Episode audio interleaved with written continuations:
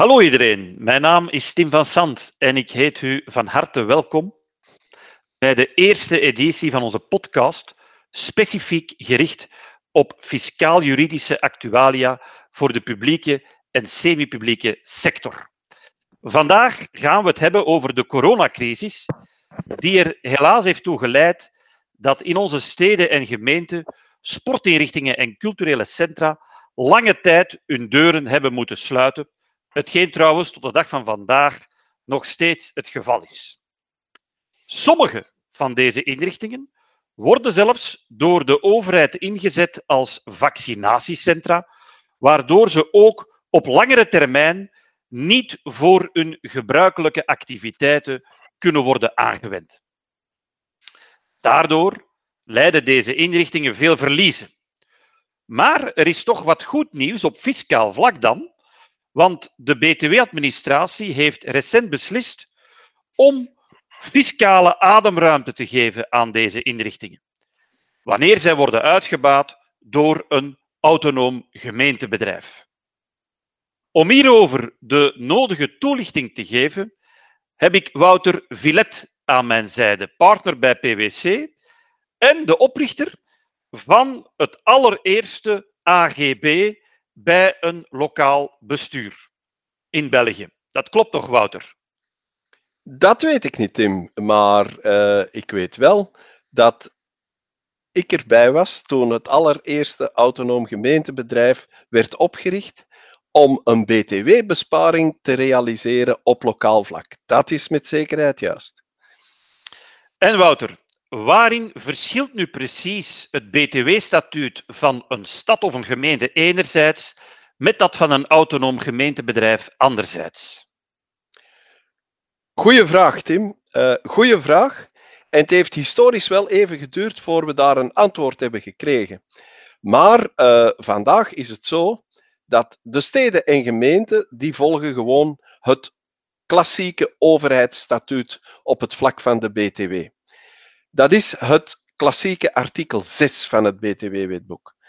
Dat betekent, je doet eigenlijk niet mee als overheid aan de BTW. Dus zelfs al verricht je prestaties en reken je daar een prijs voor aan, die prijs wordt niet bezwaard met de BTW. En dat betekent dan ook dat je voor de investeringen en de kosten die daar tegenover staan, als overheid de BTW die je zelf betaald hebt niet mag aftrekken. Daarop is een uitzondering en die uitzondering die zegt je doet toch mee aan de BTW en je krijgt dus ook recht op aftrek van de BTW als je door die specifieke vrijstelling van BTW als overheid in een concurrentieverstoring komt met de private sector. Dus om een gelijk speelveld te houden, worden de overheden daar onder de BTW getrokken of onder de BTW gebracht. De autonome gemeentebedrijven die vallen niet onder dat overheidssysteem, hoewel zij wel degelijk een overheidsinstelling zijn, maar zij vallen onder het gewoon BTW-systeem. En het gewoon BTW-systeem uh, verschilt in die zin van het overheidssysteem dat het uitgangspunt precies omgekeerd is. Je doet met alles mee aan de BTW, tenzij er een vrijstelling is. Dus van zodra een autonoom gemeentebedrijf een handeling verricht en daarvoor een prijs vraagt, dan zal dat onderworpen zijn aan de BTW. Het autonoom gemeentebedrijf mag ook de BTW op haar kosten en investeringen ter zake recupereren, tenzij het wetboek voorziet in een specifieke vrijstelling. En concreet, Wouter, in welke gevallen kan de oprichting van zo'n autonoom gemeentebedrijf een meerwaarde bieden? Ja, duidelijk. Dus uh, in, in, uh, in het gebied waar de gemeente niet onder de BTW geraakt en het autonoom gemeentebedrijf wel.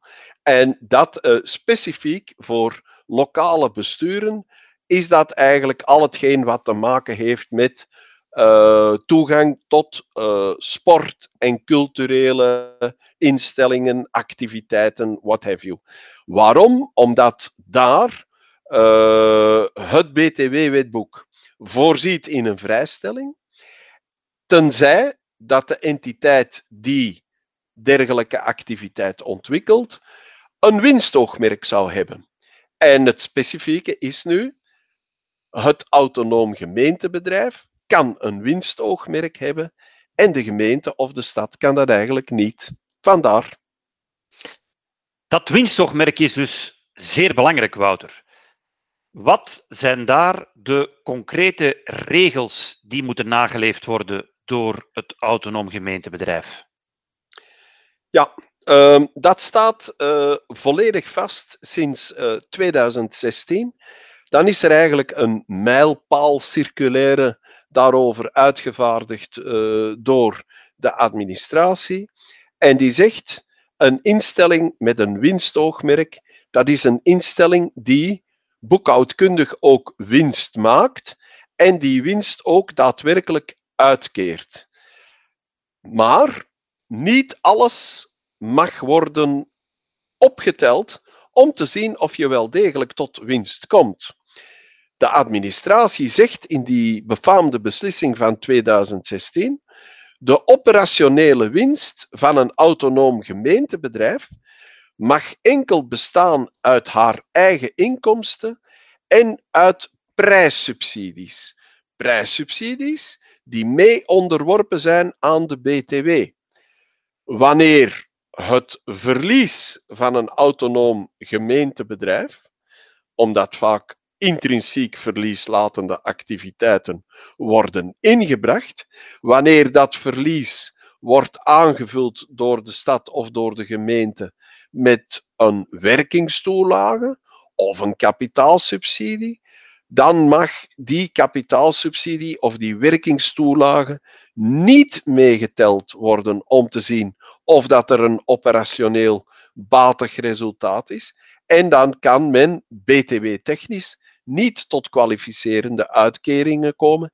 En dan vervallen de historische, uh, vervalt de historische aftrek van BTW op de investeringsgoederen. Wouter, we bevinden ons natuurlijk vandaag in uh, bijzondere tijden met de COVID-19-pandemie. Wat zijn de versoepelingen die de BTW-administratie nu in dit verband met betrekking tot dat winstoogmerk heeft ingevoerd? Wel, eigenlijk heel simpel. De BTW-administratie heeft gezegd, die prijssubsidies, die zijn onderworpen aan de BTW en die zouden eigenlijk zo hoog moeten zijn nu met de coronacrisis, omdat er weinig eigen ontvangsten zijn, dat dat te zwaar zou zijn voor de autonome gemeentebedrijven. En dus de versoepeling die is ingevoerd, is dat tijdens de coronacrisis niet, niet noodzakelijk met prijssubsidies moet gewerkt worden om de verliezen te dekken, maar dat toch ten uitzonderlijke titel mag gewerkt worden met andere toelagen. Versta werkingstoelages, kapitaalsubsidies. En voor welke periode geldt dat dan specifiek? Voor de periode 1 januari 2020 tot 30 uh, eh, juni 2021. Daar zijn we zeker van. In de circulaire staat ook dat het, ja, het kalenderjaar 2019 daarvoor in aanmerking komt, maar dat lijkt ons een verschrijving te zijn, want de coronacrisis is uiteindelijk pas uh, begonnen, toch in België, de lockdown op uh, eh, 16 maart 2020. Eh, Ik maak daarbij nog de bijkomende bedenking. Die periode, dus ofwel 1 januari 2019, 1 januari 2020, tot 30 juni 2021. Die periode kan ook enigszins anders zijn als het een boekhouding te paard is. Met andere woorden, als het boekjaar niet overeenkomt met het kalenderjaar, dan, is, dan zijn het uiteraard de boekjaren waarbinnen die periode valt. En wat nu als zo'n sportcentrum of cultureel centrum ingezet wordt als vaccinatiecentrum? Is er dan een verlenging mogelijk van die periode? En wat moet het lokaal bestuur daarvoor dan concreet ondernemen?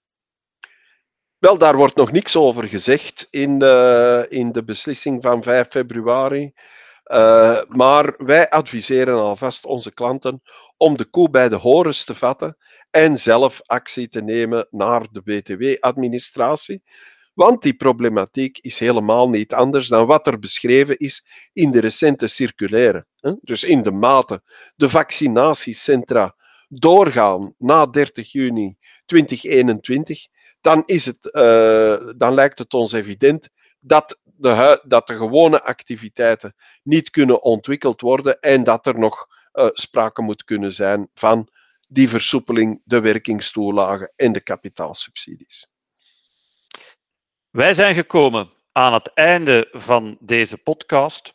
Belangrijk om te noteren is dat al zeker tot 30 juni 2021 er geen rekening zal worden gehouden met het operationeel resultaat voor de beoordeling van het winstoogmerk in hoofden van het autonoom gemeentebedrijf. Ik dank Wouter voor zijn heldere analyse en ik dank uiteraard jullie om deze podcast te beluisteren. En ik hoor jullie graag terug bij de volgende editie van onze reeks.